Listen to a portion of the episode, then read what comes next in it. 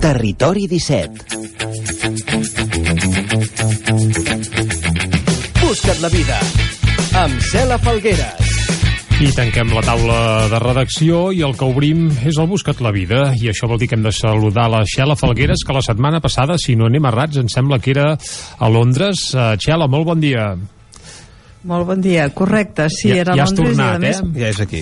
Sí, vaig tornar diumenge, me vaig escapar Que no t'enganxés el Brexit, eh? No fos cas pitjor que... del, del Glòria.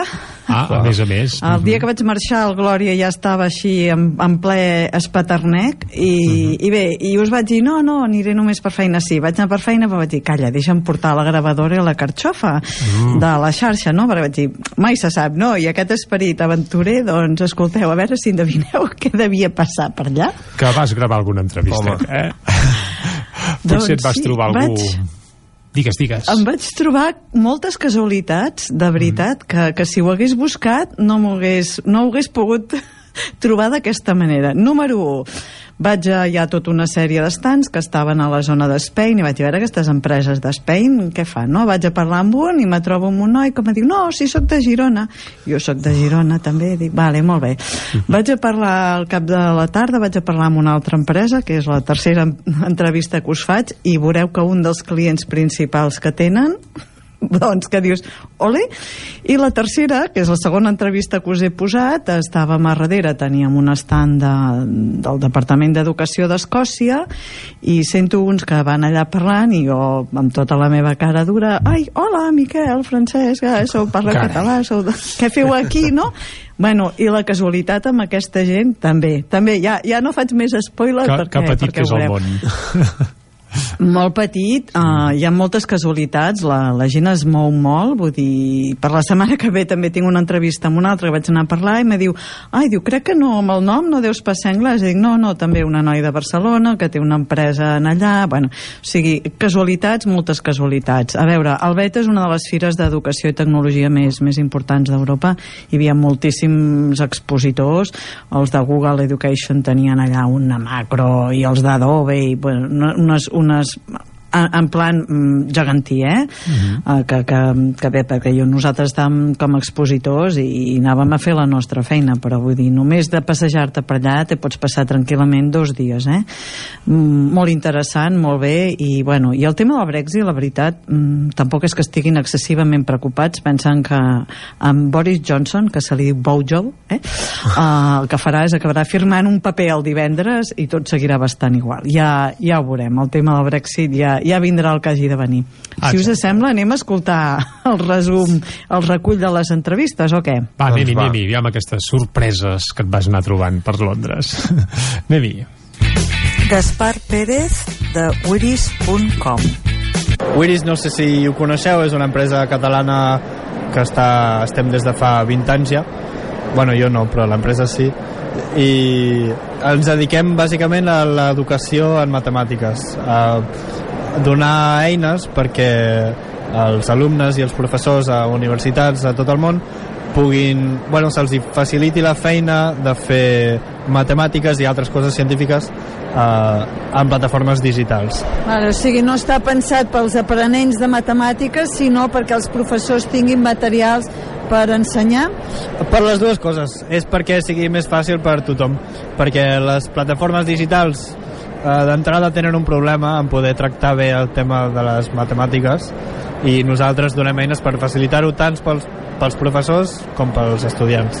Wiris és una aplicació o està basada en una web i és accessible des de qualsevol dispositiu? O està en alguna Google Play o l'App Store? De, de fet, està eh, de diverses formes. Eh, Es pot accedir a través de qualsevol dispositiu perquè eh, hi ha una eina web que pots accedir a través d'un navegador, però també, bueno, que també és un, un navegador, però si fas servir Google Docs, doncs pots editar fórmules, hi ha un add-on que, es, que es diu de Google Docs que et permet editar fórmules a dins de Google Docs. Què fa un gironí al BET 2020 a Londres? Doncs mira, eh, com que estem... Bueno, de fet estem tot l'equip aquí. Jo sóc gironí, però també hi ha una noia de Turquia, una altra francesa, un noi d'Estats Units, tenim una altra oficina als Estats Units. Aquesta és la fira més important de tot l'any, bàsicament, a Europa, d'educació i venim tota l'empresa. És el primer any que vens al vet de Londres? Eh, no, no, ja seria el segon o el tercer, sí, sí. I diries que és de les més importants a nivell europeu, fins i tot mundial? Sens dubte és la més important a nivell europeu. D'eines educatives digitals és la més important d'Europa, sense cap mena de dubte. Molt bé, doncs Gaspar, molt bona fira, enjoy Bet 2020. Vale, moltes gràcies. Miquel Arassa, director comercial de Junior Report, i Francesc Castanyer, director de Junior Report i de la revista Escolar Digital. En Francesc és qui ens parla en primer lloc. Doncs eh, el diari Junior Report, que va néixer fa dos anys i mig, com un diari per explicar les notícies d'actualitat d'àmbit global en els escolars de manera mena, senzilla, que s'entengui, perquè hi ha una gran desvinculació de la gent en general i dels joves en particular respecte als grans temes d'actualitat. Nosaltres vam fer aquest projecte per poder acostar l'actualitat als joves, donar-los poder d'opinió, poder de decisió, i amb això vam començar aquest projecte. Aquest projecte s'ha expandit, s'han creat un altre projecte paral·lel que es diu Revista Escolar Digital, que permet que cadascuna de les escoles tinguin la seva pròpia capçalera dirigida, redactada i gestionada per alumnes, i aquests alumnes fan exactament el mateix procés abans com a lectors per entendre l'actualitat a través de Junior Report, ara com a relators de l'actualitat com el que en diem nosaltres periodistes júnior. Aleshores tenim una xarxa ja de 40 revistes escolars a Catalunya, al País Basc i a Madrid i som a Bet perquè aquesta xarxa de revistes escolars la volem expandir, la volem internacionalitzar, volem que ciutadans europeus parlin dels projectes comuns europeus com a relators de l'actualitat. I sorpresa, sorpresa! Sorpresa, sorpresa, ens trobem amb gent catalana que també està involucrada en projectes internacionals, que també es mou i que connectem perquè ens hem sentit parlar català i això de seguida ens crida tots l'atenció, ens connectem i veiem que també doncs, hi ha iniciatives molt interessants que poden ser vinculades directament amb els nostres projectes perquè els nostres projectes actuen d'aglutinadors de moltes experiències. Per tant, en aquest sentit, doncs eh, ens trobem de seguida amb un micròfon eh, parlant dels nostres projectes perquè a més a més aquesta gent que ens trobem amb iniciatives doncs també resulta que fan programes de ràdios a Cardedeu. Resulta que a Cardedeu nosaltres tenim una revista escolar digital que és el Pla Marcell que ho estan fent fantàsticament bé amb un equip docent que ho està doncs, tot això dinamitzant molt bé i, eh, i el món és molt petit, aquesta és la conclusió. I tant. Miquel, que, quina rebuda esteu tenint amb les escoles o en els llocs que esteu presentant en aquí en el BET el vostre projecte?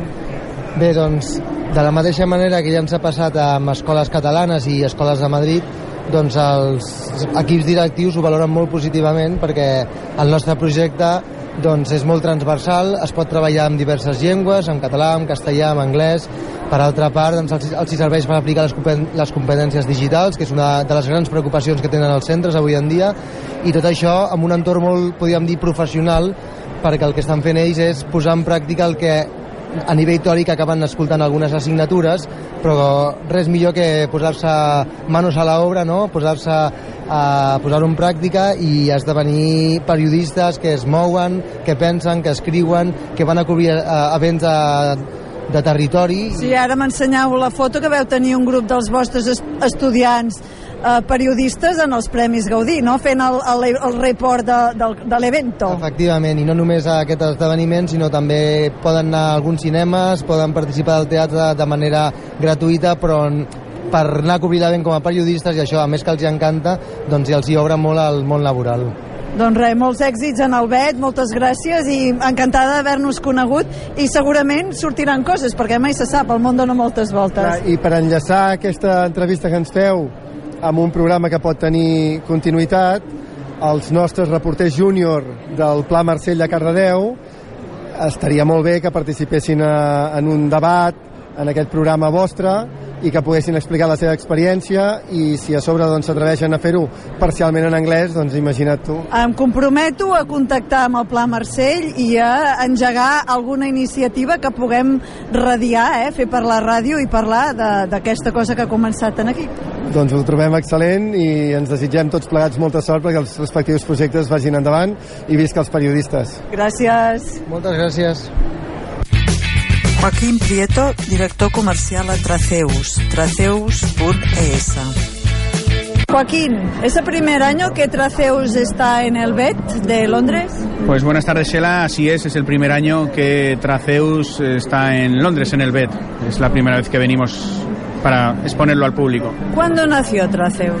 Bueno, Traceus nació hace ahora unos siete años, más o menos, empezamos a desarrollarlo. Eh, hace unos cinco años eh, la Oficina de Patentes y Marcas de España no lo patentó. Eh, Traceus tiene la patente de, de la solución y bueno, durante todo este tiempo pues hemos ido creciendo en implantaciones en colegio hasta llegar a más de 500 colegios que tenemos ahora tanto en España como en Costa Rica. No hemos explicado qué es Traceus. Bueno, pues Traceus lo que trata de solventar es la problemática que tienen los colegios para gestionar las rutas de escolares que van en autobús. Eh, los padres tienen un- una app en su móvil donde ven en tiempo real por dónde va el autobús de- del colegio. Unos 10 minutos aproximadamente antes de que llegue a su parada le llega una notificación diciendo que el colegio le informa que el autobús está llegando a su parada. La monitora, lo que hacemos es geoposicionar el móvil que lleva la monitora dentro del autobús. La monitora cuando inicia la ruta eh, le, le da un botón, inicia la ruta y en ese momento todos podemos ver, bueno, los padres pueden ver por dónde va el autobús. Cuando llega a cada parada lo que hace la monitora es pues ticar en el nombre del alumno diciendo si ha subido o no ha subido.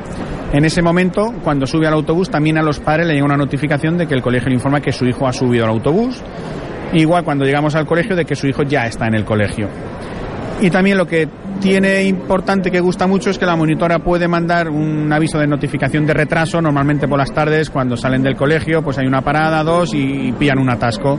Por una manera muy fácil, tocando un botón, pues se manda un mensaje a los padres diciendo, oye, vamos con retraso, aparte de que el padre lo ve en, en- en tiempo real, en- dibujado en el mapa por dónde viene el autobús, si hace frío, si llueve, no tiene que estar esperando en la parada más, más del tiempo que toca, eh, sabemos que va a llegar cuando va a llegar. ¿Con cuántos colegios estáis trabajando actualmente? Pues, en, eh, como te decía, en más de 500 colegios en España y Costa Rica, tanto en la parte privada como pública. En lo público estamos con todo Castilla-La Mancha, Baleares que lo tenemos que implantar ahora y varios consels comarcal de, de Cataluña ya, ya están funcionando con, con, con Traceus. Venga, dame una sorpresa. ¿Qué consell comarcal? Bueno, pues uno es Conca de Barberà, el primero que, que lo hizo, pionero en, en la implantación de Traceus en Cataluña, y el otro es el del Valles Oriental, ¿vale? Con, creo que son 90 rutas y bastantes alumnos en ruta, no sé si 2.000 más o menos en, en ruta cada día. ¿Qué retos os proponéis para el próximo, digamos, el próximo año? Bueno, por una parte es seguir creciendo en España, que, que la verdad es que pues está gustando mucho Traceus y, y mucho el boca a boca cada vez se va imponiendo más. Y por otro es llegar a otros países. Estamos buscando aquí en el BET Partners para, para que puedan ofrecer, pues eh, igual que estamos haciendo con un partner en Costa Rica, pues en otros países, en México, en Argentina, en Chile y en toda Europa también, porque al final será la, misma problemática que tenemos en España está en otros países. Hay tráfico, hay padres nerviosos, eh, no sabemos si llega, si no llega. El padre desde la APP también puede hacer ausencia diciendo que mi hijo no va o cambios de ruta. Yo quiero que mañana vaya a dormir a, a- a la, con los abuelos y en vez de ve- volver en la ruta 3 va en la ruta 5, parada 7. Si hay espacio en el autobús y hay plazas libres me deja hacer el cambio y si no, no. Y todo esto en todos los países pasa igual.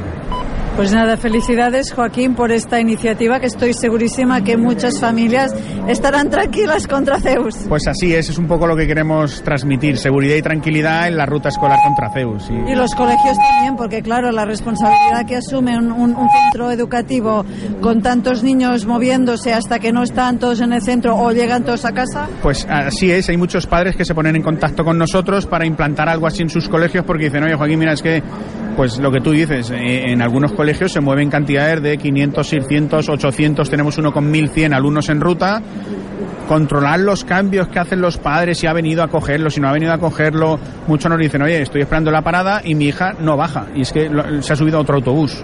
Y eso con tres añitos, pues el padre se pone nervioso. Cuando tienen 16 o 17 los nervios son de otra manera, pero suele pasar porque es muy complicado gestionar este volumen de, de alumnos en ruta. Pero Shela, también tenemos colegios con una ruta, con dos rutas. Yo siempre digo que el atasco de un autobús es uno, no hace falta tener 10 autobuses, en uno pillas el atasco. O sea que eso es lo que hacemos. Pues nada, muchos éxitos y espero volver a oír de vosotros pronto o vernos en una ocasión en el futuro. Muy bien, gracias a ti, Shela, un saludo.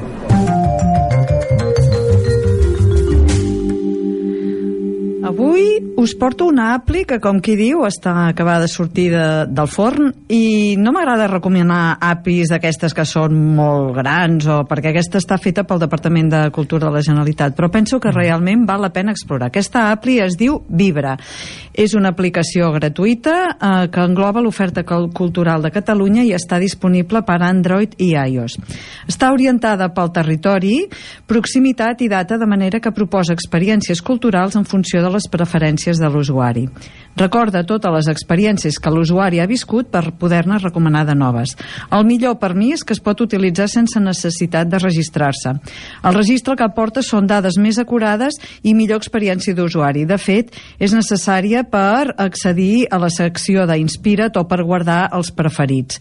Els filtres per seleccionar les activitats he trobat que estan molt bé. Per exemple, els d'àmbit d'interès hi ha sorprendre'm, jugar, desconnectar o reflexionar i per categories podem buscar des d'arquitectura, arqueologia, gegants, rutes i visites o moltes altres més.